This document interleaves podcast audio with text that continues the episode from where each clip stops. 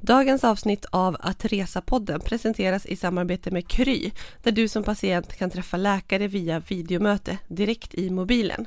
Läkarna på Kry kan hjälpa till med rådgivning, receptförnyelse, recept, sjukintyg eller remiss till vidare vård. Kry fungerar lika bra i Sverige som utomlands.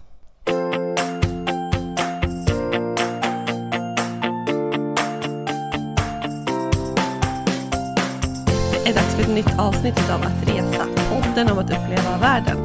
Och eh, den här gången har jag, Lisa Falåker, som driver den här podden tillsammans med Annika Myhre, Resfredag, haft ganska svårt att få ihop vår eh, podddate. Det brukar gå ganska lätt i vanliga fall för vi kör ofta via Skype, men den här gången har vi eh, haft väldigt svårt. Vad har du för dig Annika? Alltså vi har ju inte riktigt varit på samma ställe någon gång den här sommaren. Du är ute för Sverige jag har i och för sig landat nu på Sturkö där jag brukar spendera väldigt många timmar på sommarlovet. Så här har jag varit ett par veckor.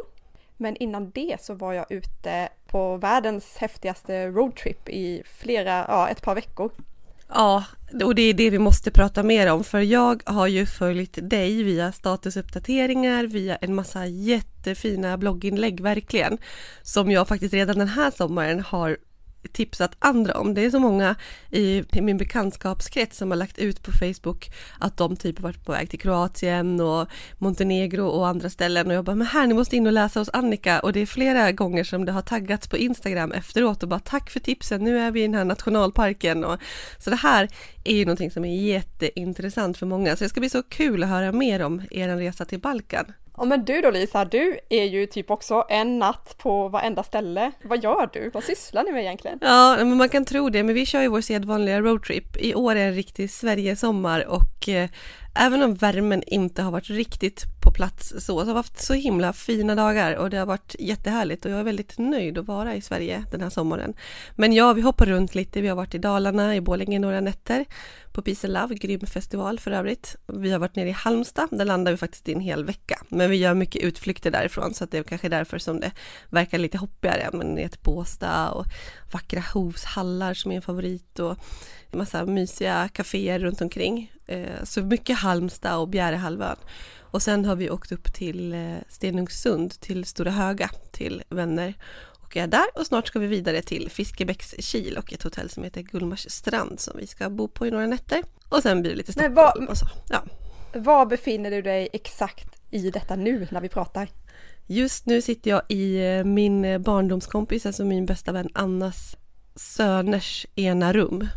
Så jag sitter i ett eh, pojkrum här. Och tioåriga Viktor och Vincent som, eh, ja, som har lånat ut sitt sovrum till mig och min familj. Ett av sina sovrum. Så här sitter jag i sängen.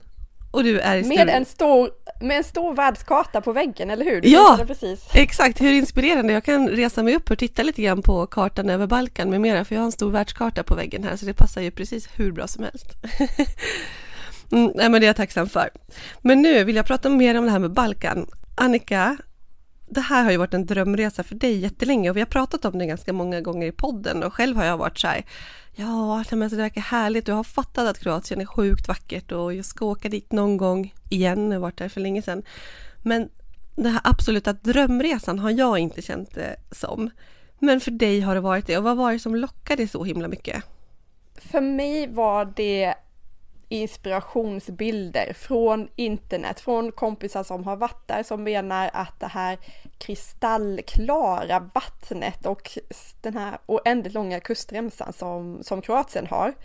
Alltså jag, jag, jag drogs verkligen till det. Men inte bara, utan det är väl hela känslan av att sätta sig i en bil och inte riktigt veta vad man ska. Man, alla länderna ligger relativt nära varandra så att mitt drömscenario var ju att få åka runt och kolla hur det såg ut i de olika regionerna där nere och vänta på att barnen var så stora så att vi skulle kunna göra den resan. Och det är väl det som vi har väntat in lite grann. Nelly är nu två och ett halvt. Julia fyller sju och Sebastian är nio. Så eh, nu var det liksom dags den här sommaren. Mm, jag förstår. Hur mycket hade ni planerat på förhand då? Hur planerade du eller ni? Eller ja, handen på hjärtat, gjorde ni det tillsammans eller var det du? Alltid intressant. Eh, faktum är att vi åker tillsammans med en annan barnfamilj varje sommar. Försöker vi göra någon utlandsresa eller ja, när vi har varit gravida så himla mycket så har det varit här i Sverige också.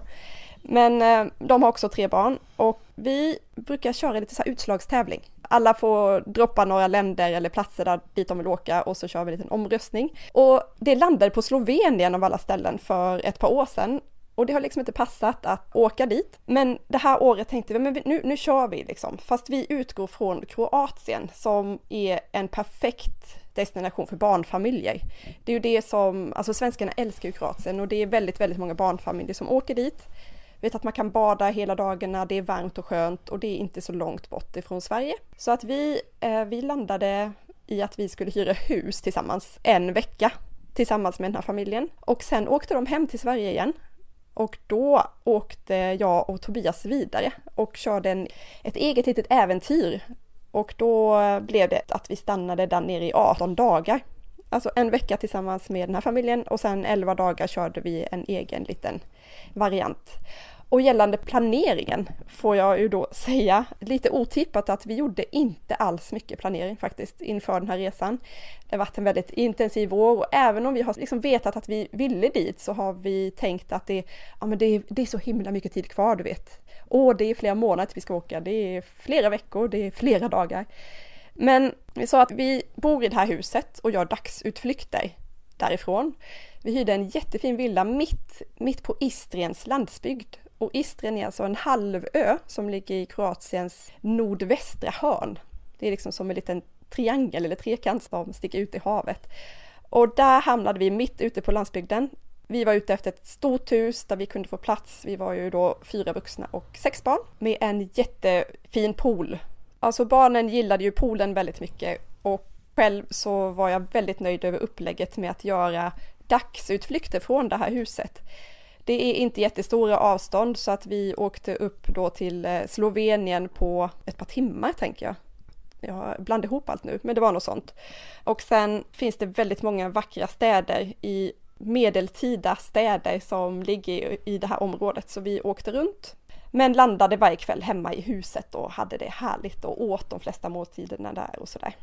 Men eh, precis, men bara för att förtydliga här, alltså Slovenien ligger ju precis norr om Kroatien och sträcker sig längs med Kroatiens hela norra gräns kan man säga.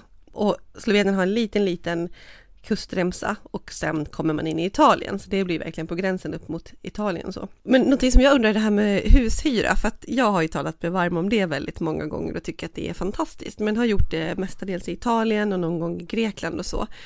Eh, jag tror att hus i Kroatien är någonting som tilltalar många väldigt mycket. Hur upplevde du det? Var det lätt att hitta huset i Kroatien, det som ni ville landa i, eller hur, hur gick det till? Vi letade tips via vänner och bekanta och våra vänner fick tips från en kollega som hyr hus via ett företag som heter My Istria och har gjort det varje år. Och de hyr ut lite finare villor. Så att vi, vi gick på rekommendation vi tyckte att det var en djungel i och för sig att välja rätt hus, för när man inte riktigt kände till områdena så var det svårt att välja. Men i och med att avstånden inte är så himla stora så satsade vi ändå på ett hus som, som låg inte precis vid kusten, vilket kanske var drömscenariot från början. Men priserna blir ju mycket högre ju närmare kusten man kommer. Men för det här huset som vi hyrde betalade vi ungefär 15 000 svenska kronor för en vecka. Och då delade vi det då på två. Men då kan du tänka dig att det var ett, i princip ett nybyggt hus, jättestort. Alla barnen delade sovrum, de stora, våra stora barn. Men det var liksom egen toalett till varje rum och det var superfräscht och det var en jättestor matplats med möjlighet att en sån här grillhelg där vi kunde grilla på kvällarna. En egen trädgård som var inhägnad och den här poolen som var superfräsch. Mm. Bastu fanns det också allt. Alltså det var verkligen värt de pengarna för oss.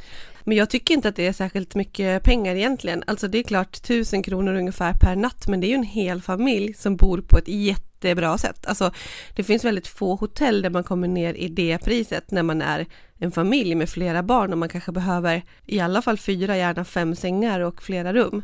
Så jag tycker att eh, alltså tusen kronor per natt och det är ungefär vad vi har landat på också när vi har hyrt hus i Italien och Grekland och så. Man kommer väldigt långt på det.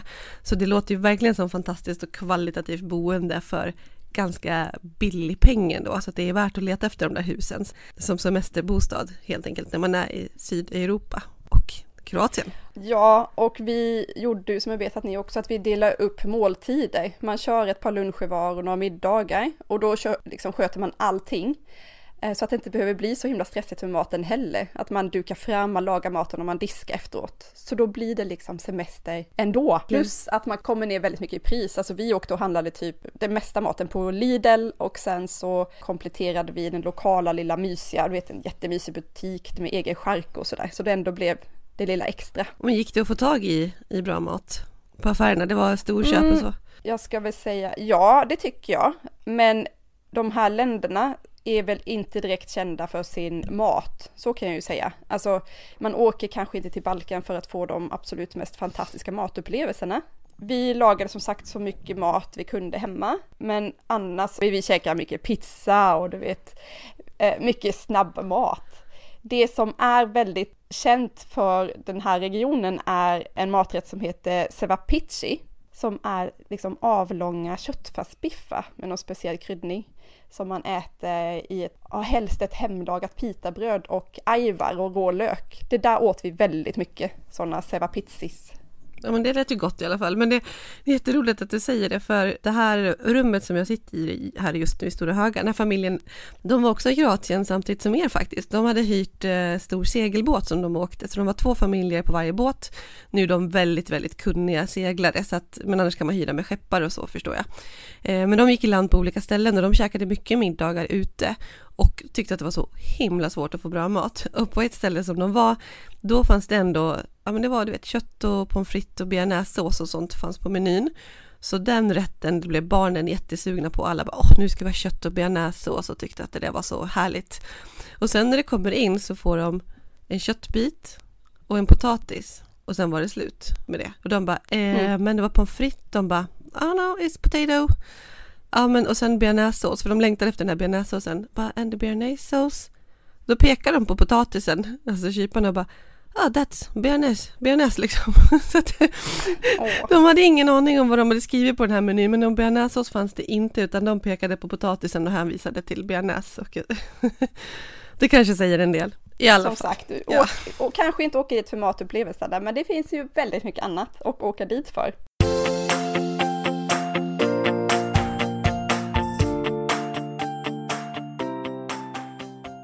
Och du frågade mig om planering. Vi hade ju huset, hade vi bokat eh, redan i mars.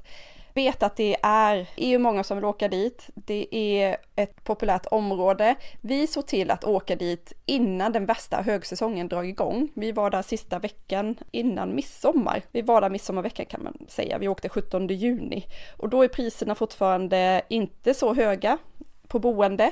De har ju sådana här säsongspriser så det steg ju rejält bara veckan efter vi åkte och så steg det ytterligare i, i juli.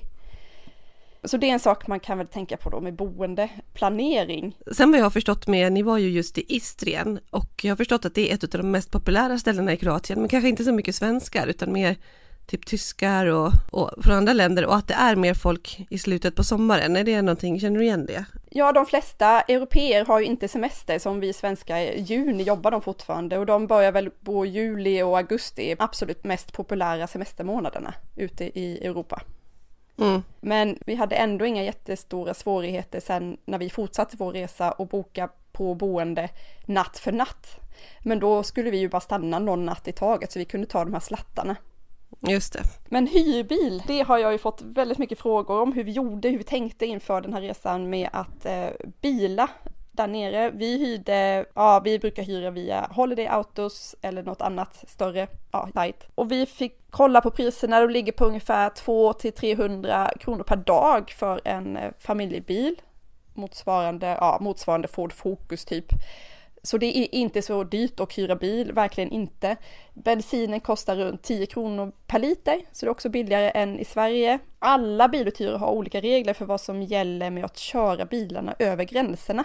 För att man kan inte bara ta hyrbilen och dra över till Slovenien eller till Bosnien eller till Montenegro liksom utan att ha ett dokument som visar att du får ta hyrbilen över gränsen. Så det här måste ni vara uppmärksamma på och verkligen berätta för biluthyraren att ni tänker göra det så att det inte blir något strul vid eh, passkontrollerna sen.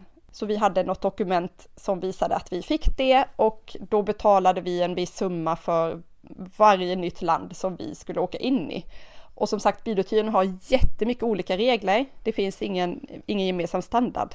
Så det här blir individuellt beroende på var du hyr bilen. Jättefina vägar i Kroatien, alltså superfina, bland de finaste som vi har kört på i vissa sträckor.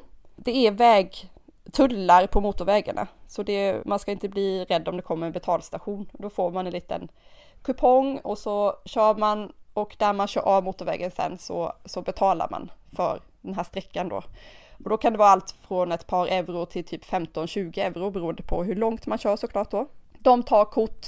Det man kan tänka på är att folk kör lite annorlunda på Balkan än vad vi är vana vid. Vi hade bilar liksom i baken hela tiden. De älskar verkligen att ligga väldigt, väldigt tätt. Det är nog inte så mycket att göra åt, men det är, kan vara lite frustrerande ibland. Vi hörde att det var väldigt mycket risk för bilköer över gränserna, folk som är där ofta, men då åker de senare på säsongen. Vi hade inte några större problem med att, med att sitta i bilkö, men det kan bli alltså flera, flera timmars kö. Enda gången som var lite jobbigt med barnen i bilen var när vi skulle över gränsen till Montenegro. Då satt vi två timmar i kö för att passkontrollen över och det rörde sig inte. Det var inte det att det var jättemycket bilar i kö. Det tog bara så ofantligt lång tid för dem att gå igenom alla passen. Jag vet inte om vi kom bakom någon buss med så här 10 000 pass som skulle kollas igenom. Men det, är, det finns ju såklart många fördelar med att åka på, ja, precis innan högsäsongen drar igång så att man inte behöver sitta i de här köerna när det är varmt. För det är en sak, alltså värmen är jobbig vi hade vissa dagar när vi åkte till, över till Bosnien så var det 35 grader. Och sitter man då med barn och ska gå runt i någon stad eller sådär, så det är jättejobbigt för dem. Det var också en sak som vi fick höra när vi åkte dit eh, från vänner som är från Bosnien och eh, det här området att, ja men ska ni verkligen, ska ni verkligen släppa med barnen på de här utflykterna ut till städer och så, det är så himla varmt. Men vi försökte att tajma in de flesta utflykterna på eftermiddagen. Vi kom alltså med barnen till vad vi nu skulle, nationalparker eller städer, försökte vi satsa på att åka dit vid femsnåret ungefär och sen stanna hela kvällen istället. Vi fick liksom lägga om dygnsrytmen, de var uppe väldigt sent men sen när det var som varmast på dagen så ja, var vi hemma, jobbade lite eller satt i skuggan på stranden eller sådär. Det kan bli väldigt varmt som sagt. Men vissa ställen som ni, eh, som du la ut foton från och så, så såg ni ut att vara i princip själva, så det måste ju vara ett så himla bra upplägg och många fantastiska solnedgångsbilder från olika ställen och så också, alltså från typ monument och liknande. Ja, och så är det verkligen. Till exempel då, en händelse var när vi skulle till en amfiteater som ligger i en stad som heter Pola. Den ligger i Istrien på västkusten. Det är en känd turiststad och en av anledningarna, eller den stora anledningen, är väl den här stora amfiteatern som byggdes ungefär samtidigt som Colosseum. Alltså precis i skarven så här, började byggas två år efter Kristus, så den är verkligen, den är urgammal och i väldigt, väldigt fint skick. Och det går liksom inte att få den känslan som vi fick om man går till Colosseum. Vi gick till Pola bara några minuter innan stängningstid, ja, någon halvtimme innan, när solen precis höll på att gå ner mellan valven. Vi var nästan ensamma.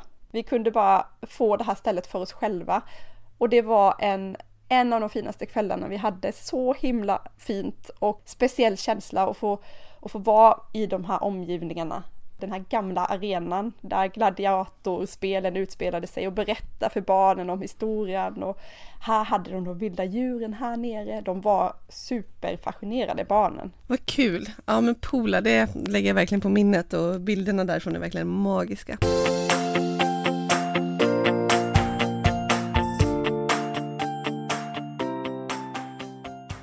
Ja, och när man är på resande fot, både runt om i Sverige och i världen, så vill vi passa på att påminna om vår sponsor Kry och deras fenomenalt smarta tjänst som eh, de har, där man kan ha ett möte med sin läkare eller med en läkare direkt via ett videomöte i mobilen. Det vill säga att även om du åker runt på en massa märkliga obekanta ställen på Balkan eller runt om i Sverige, för du är hos vänner och du är på olika avkrokar, så är aldrig läkaren längre bort än din mobil. Du går in, du verifierar dig via BankID och bokar upp en tid med en läkare och kan ha ett videomöte i mobilen. Och på det här sättet så behöver du alltså inte leta på vårdcentraler för att fråga om enklare åkommor såväl som svårare för att de har precis samma kompetens och befogenheter som eh, vanliga läkare som du träffar direkt. Så om du har problem med hälsan på ett eller annat sätt, du eller någon av dina familjemedlemmar, så använd Kry som tjänst som är det absolut smartaste sättet att få snabb läkarhjälp när du är på resande fot, såväl som hemma. Jag använder själv den här tjänsten på väg från härifrån Karlskrona där jag är upp till Stockholm stannade till vid en vägkrok för att ringa upp och kolla vad som gällde med, alltså jag hade känt mig hängig jättelänge, hosta som aldrig försvann. Det enda jag behövde var som sagt bra uppkoppling, hörlurar är bra för att få bra ljud och mitt bank-id. Vi bestämde en tid, jag skrev in en tid där de kunde ringa upp mig. De ringde upp, jag såg läkaren precis som jag sitter och ser Lisa här nu, vi, vi skypar. Eh, skönt att få ögonkontakt och ha liksom ett, ett riktigt videomöte. Perfekt tjänst, jag kan varmt rekommendera den. Ladda ner appen via App Store eller Google Play. Vad gjorde ni fler för utflykter om du ska nämna några smultronställen? Ja men vår resa, vi körde den i tre etapper kan man säga. Första veckan så utgick vi från Istrien som jag har pratat om.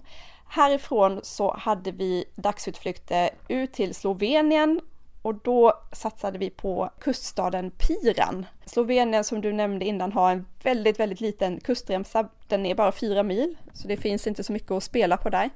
Vi hade kanske tänkt åka upp till en sjö som heter Bled, men det var lite för långt så att vi åkte till Piran istället och jag är så glad för det. Det är en stad som ligger uppbyggd med en de flesta städerna har liksom en kyrka i mitten. Det är kyrkan som är centrum för staden.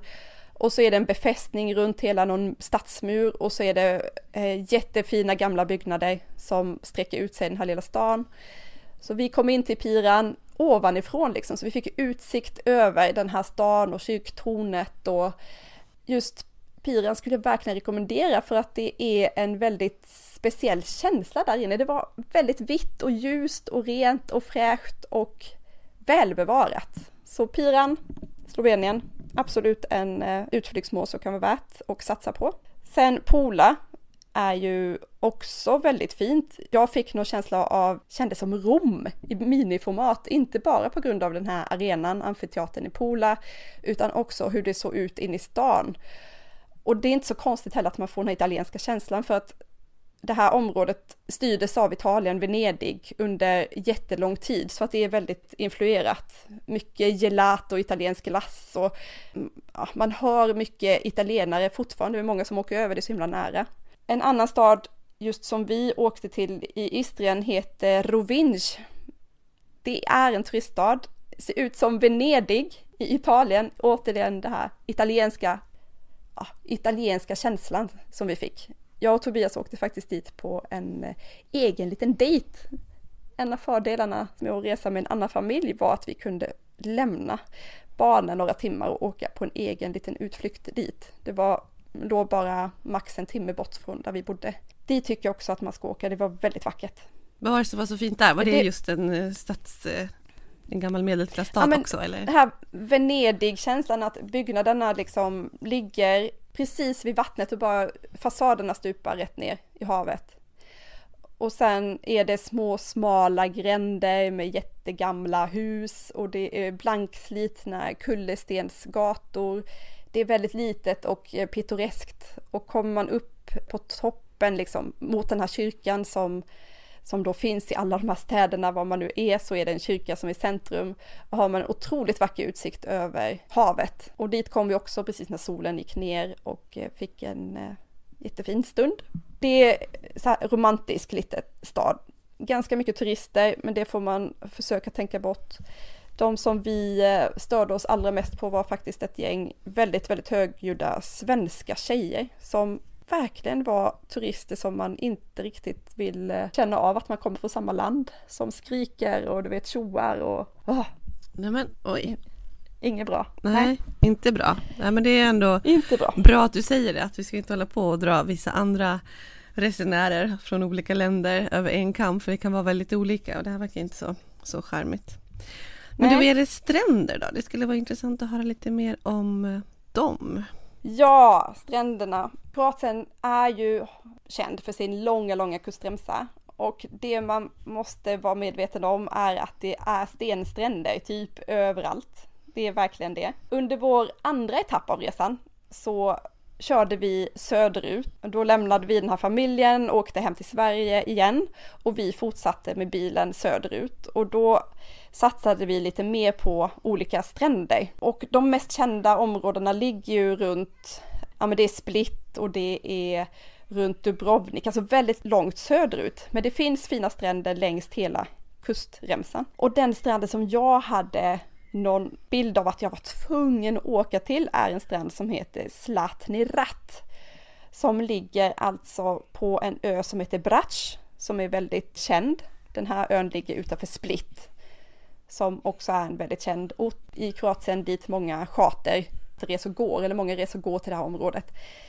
Och det som är så speciellt med den här stranden, Zlatni Rat, är att det är som en strandtunga som går ut i havet och beroende på vindarnas riktningar så, så flyttar den här tungan sig från dag till dag. Det är väldigt speciellt. Och det ser ut som, tänk er en pir, en strandpir rätt ut i havet. Och ser man den på bilder så tror man att det är sandstrand.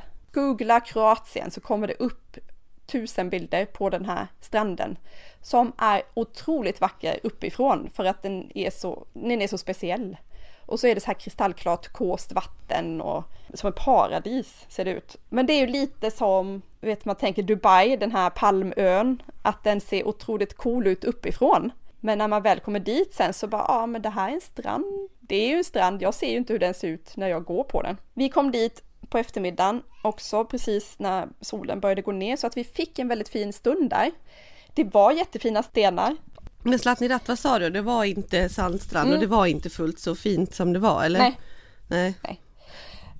Mm. Ja, men det var en, en jättefin upplevelse. Väldigt fina och mjuka stenar. Så det var inte bara hårda klippstenarna utan rundade, jättehärliga och vattnet är otroligt fint och klart där.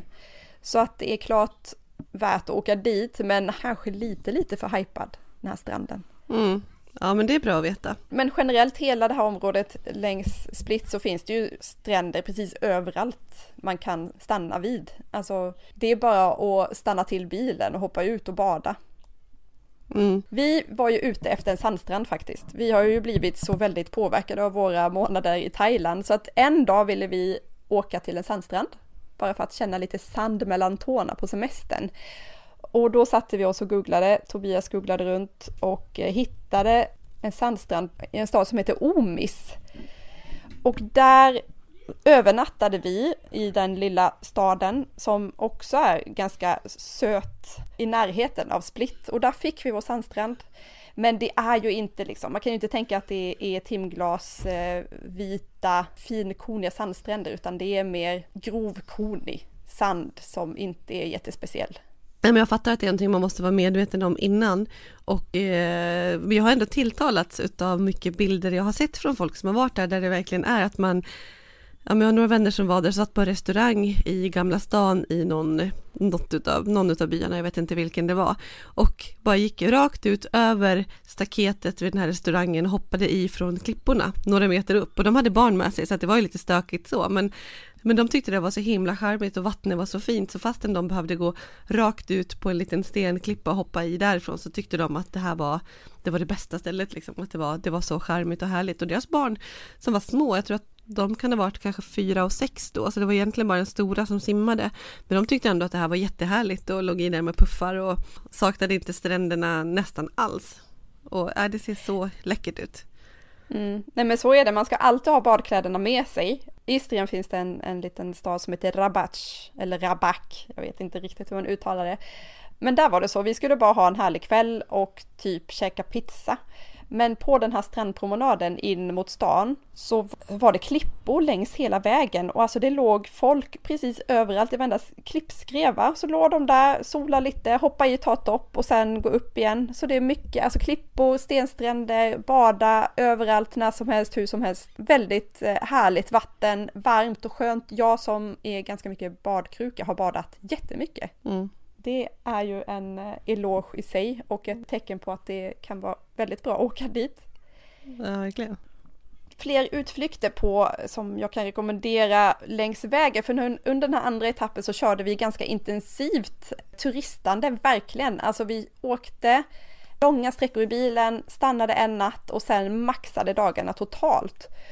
Och det första stoppet som vi verkligen var helt sådär wow, hit har vi längtat att åka och det uppfyllde alla våra förväntningar med råge.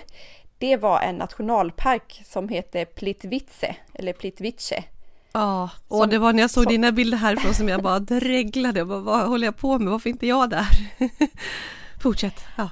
ja, nej men det är en, eh, det är ett det är ett ställe som jag har sett på andra bloggar. Eh, jag har samlat liksom pinnar på Pinterest, eh, bilder och liksom drömt mig hit.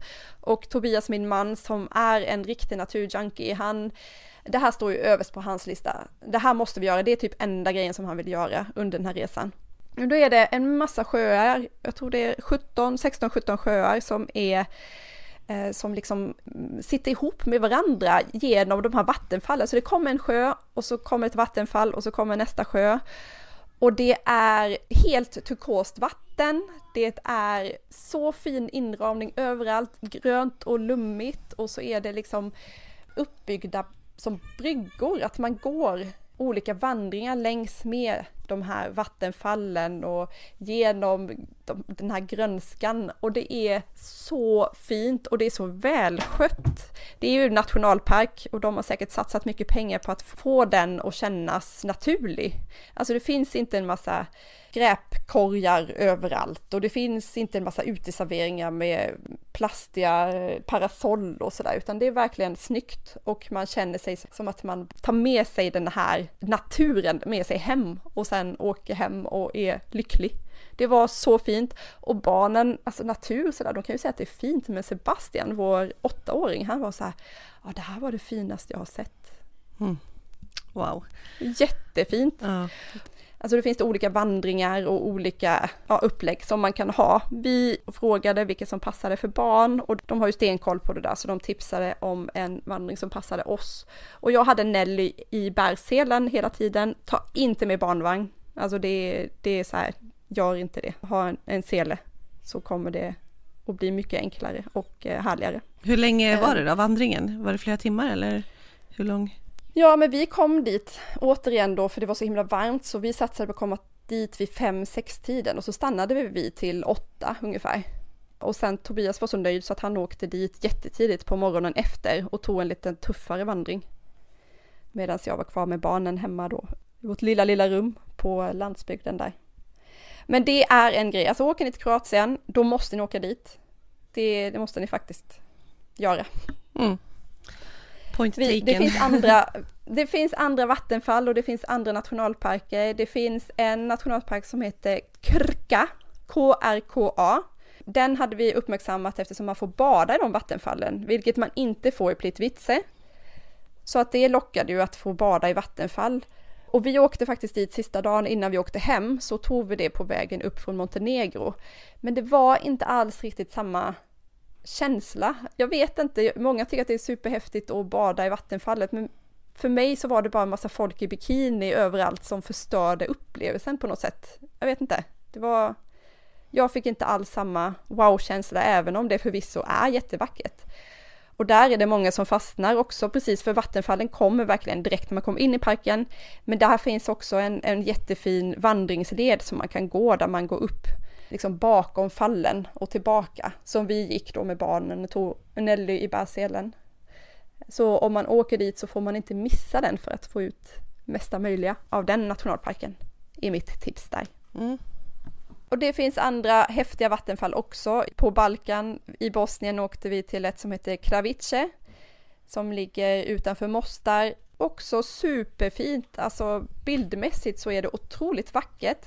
Men där var det faktiskt när, för mig så förstördes upplevelsen lite av att det var just en massa uteserveringar med reklamparasoll och ja, jag vet inte, jag fick inte riktigt samma känsla som Plitvice. Mm. Ja men bra tips, det skriver vi upp på måste-listan när vi åker till Kroatien säger jag.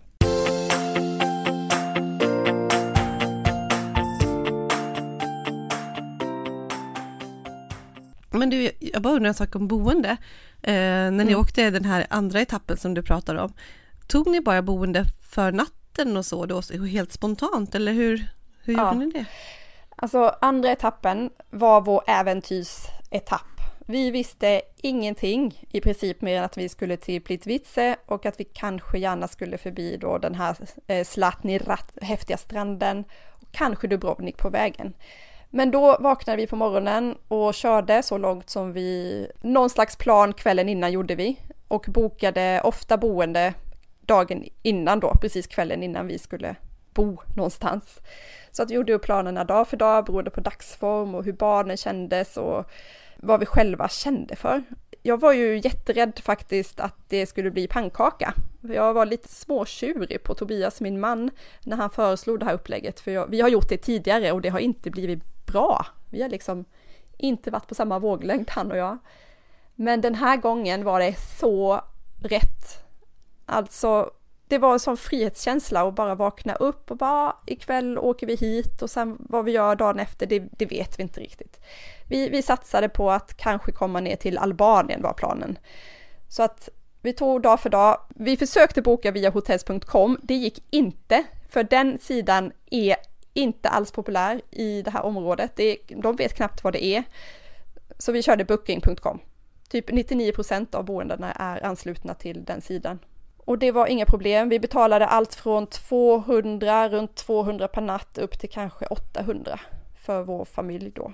Det låter som ett grymt upplägg, verkligen. Skönt att kunna vara sådär spontan igen. Det låter lite som innan man blev en stor familj, tänker jag. Pre-kids, ja men så uh. var det. Och uh. som sagt, etapp två, äventyrsresan, vilket vi trodde skulle förbli liksom resten av resan och bara åka, sova en natt, dra vidare, ner till Albanien, vända upp hem. Men det blev en tredje etapp eftersom när vi hade kört ner från Dubrovnik som vi bara hade några timmar i, en otroligt vacker stad, mycket turister, men både jag och Tobias sa direkt hit ska vi åka tillbaka utan barn. Vi ska ha en weekend, vi ska gå runt och kolla på alla inspelningsplatserna från Game of Thrones som vi eh, tycker om väldigt mycket. Det är alltså, för er som inte känner till, så är det en tv-serie som till viss del, som har spelats in i Dubrovnik. Det finns en fiktiv stad i, i filmen, eller i tv-serien som heter Kings Landing.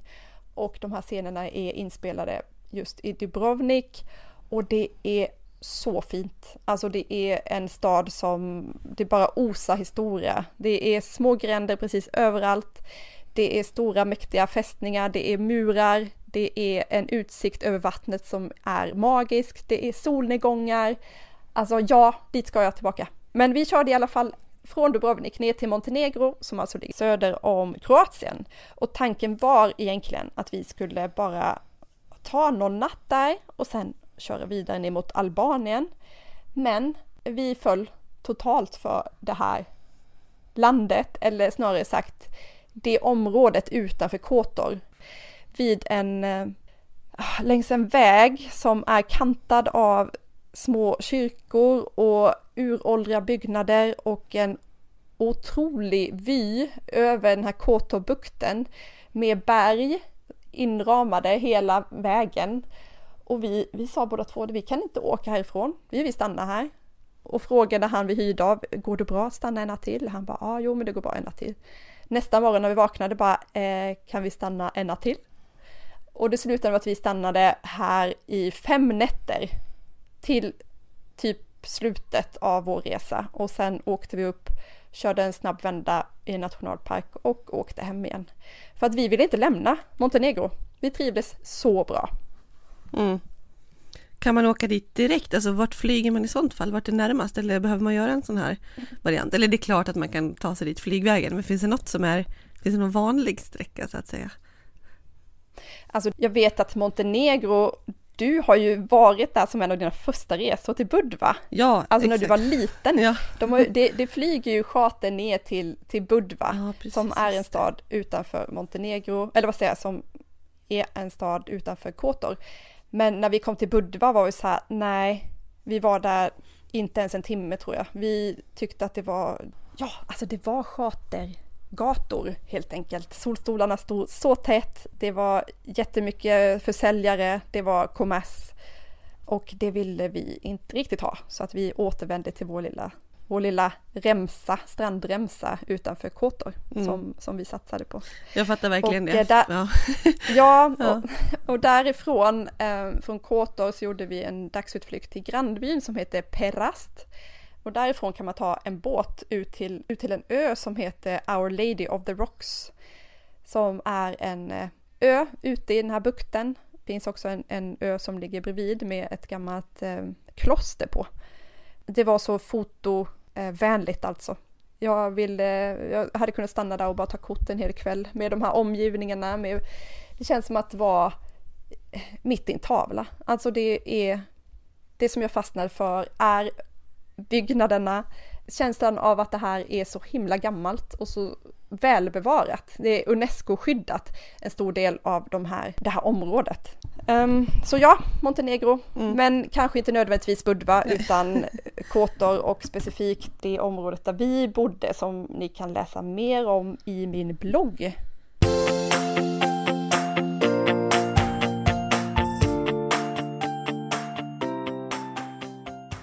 Och jag vill tipsa om en grej här nu när man lyssnar på det här avsnittet för att jag har parallellt faktiskt tagit upp en karta på mobilen som jag tittar lite grann på medan du pratar och då fattar jag ju vart Kåtor ligger och att det är liksom en, en bukt verkligen in och att det inte är direkt längs havet på det sättet.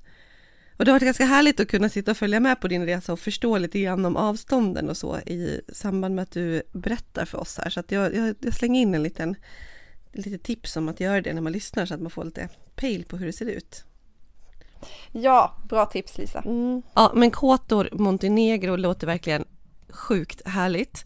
Eh, Men jag tänker på det här med Albanien, det har vi också nämnt lite grann tidigare, att det känns som en upcomer också och också så här ställen, men åk dit om man vill ha verkligen unik upplevelse för att det är så otroligt icke-exploaterat och fina stränder och billigt och finns en massa häftiga bergsmassiv och vandra i och så. Men nu bestämde ni er för att inte åka dit, vilket jag förstår för att ni har gjort många mil och ni fastnar på ett ställe där ni verkligen trivdes. Eh, och en eloge till det, att man inte jäktar vidare utan tillåter sig att göra lite slow travel också trots alla de här upptäckarintresset. Men med Albanien, hade du läst på någonting på förhand? Jag bara tänker om vi ska om, om jag ska få lite mer förståelse för vad man kan göra där eller vad som lockar. Var det någonting som ni egentligen hade tänkt att ni var sugna på eller var det bara att åka ner rent allmänt så? Mm. Det vi kollade på var ett område som ligger i södra Albanien. Det ska vara väldigt, väldigt fina stränder där nere. Och då kände vi väl spontant att det, det blev för mycket resa för inte så många timmar som vi skulle få på plats eller så många dagar. Ja, men det som vi ville åt där i så fall var väl att landa i ännu fler stränder och få verkligen de här paradisstränderna som tydligen ska finnas där och då är det ett område som heter Xamil som ligger utanför ett område som, eller en stad som heter Saranda. Och det har verkligen i och för sig exploderat de senare åren vad gäller turism i förhållande till vad som, hur det var tidigare. Så jag vet inte om det hade varit en wow-upplevelse, men det var det som jag fick tips om i alla fall. Sen så finns det också mycket historiska lämningar, så grekiska, romerska och osmanska eh, i närheten av Saranda då. Och då hade vi i så fall satsat på ett ställe som heter Butrint där de äldsta ruinerna är bortåt 3000 år gamla. Nej men jag, jag hade nog gärna åkt till Albanien egentligen, men jag är glad att jag lyssnade. Det var nog Tobias som var lite mer såhär, nej, alltså varför? Eh, Det är ju inte så att det inte finns kvar. det finns ju kvar Albanien. Det finns ju möjlighet för mig att åka dit någon annan gång vid något annat tillfälle. Mm. Ja, verkligen. Och jag tror att det är ett ställe vi kommer få läsa väldigt mycket mer om framöver. Och jag är sjukt sugen på det. Jag tänker, kan inte vi åka dit tillsammans och eh, reka lite? Det kan vi göra. Ja. Köra en poddinspelning från Albanien, Ja. se hur eh, 3G funkar där nere, tänkte jag säga. Ja, ärligt talat det här avsnittet, jag hoppas att det kommer gå att lyssna på för att eh, jag har haft det lite stimmigt här. Jag sa ju att, vi, att jag sitter i min kompis barns eh, sovrum och eh, vi är många familjer som är här och inte bor bara i det här huset utan lånar in ett gäng. Igår kväll så räknade vi till att vi var, nu ska vi se, då var vi 13 vuxna, nej det var på dagen. På kvällen var vi 16 vuxna och typ, kan vi ha varit 18 barn eller något sånt. Så vi är riktigt många, nu är det några som har åkt hem men det är så mycket barn som springer omkring här och det ropas och det tjuts och det leks och eh, det får inte vara jättemycket fred och dessutom är det väldigt hackig uppkoppling också. Eh, men det är härligt. Ja, alltså och det här med sommarsemestrar är ju ett ämne, ett hett ämne. Vi befinner oss ju ändå mitt i de här månaderna som man längtat efter väldigt länge och väldigt mycket.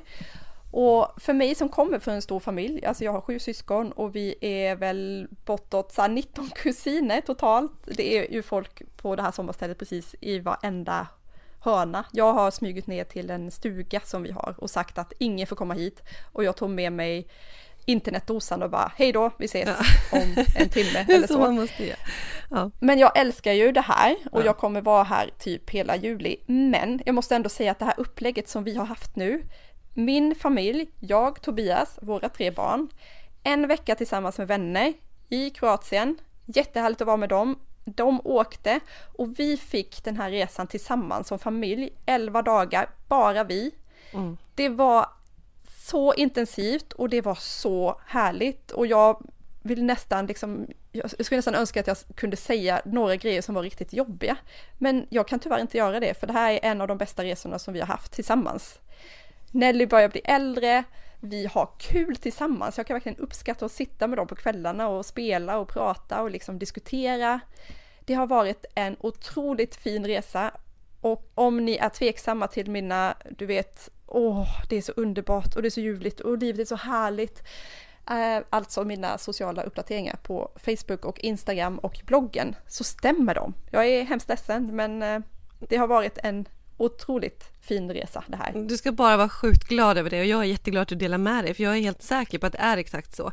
Och jag tycker också att ett annat sak som jag tar med mig som vi redan är eniga i men det är just det här med att barnen kan få så häftiga upplevelser. De tycker att det är kul att gå i gamla amfiteatrar. Ibland tycker jag nästan att de är bättre än vad jag själv är att ta in i wow det här var så på den tiden och sådär för deras fantasivärld är så himla stor och så påtaglig. Själv har man sedan länge blivit här och nu och jag vet inte, jag kan ha lite svårt att sätta mig in i hur det var en gång. Men barnen har en sån himla himla stor förmåga till det så att våga bortom barnklubbarna så är det här upplevelser som de verkligen tar med sig och njuter utav och tycker att det är häftiga. De är inte de blir inte uttråkade av nya vyer och eh, mäktiga landskap eller gamla monument utan de tycker ju att det är läckert liksom. Det märks. Ja, så är det. Och sen ska man ju då komma ihåg att en av de roligaste upplevelserna för dem, tillsammans med allt andra, var en dag på vattenlandet i Budva, dit de i princip fick släpa mig. Alltså man måste ge och ta. Jag gillar inte vattenland, mina barn älskar det. De kanske inte gillar det som jag gillar lika mycket, men vi gör det tillsammans och alla måste få vara med och bestämma så att det blir en härlig upplevelse för hela familjen. Verkligen. Men du, en fråga bara för nu, ni åkte ju väldigt långt ändå. Visst landade Ja. ni i Zagreb?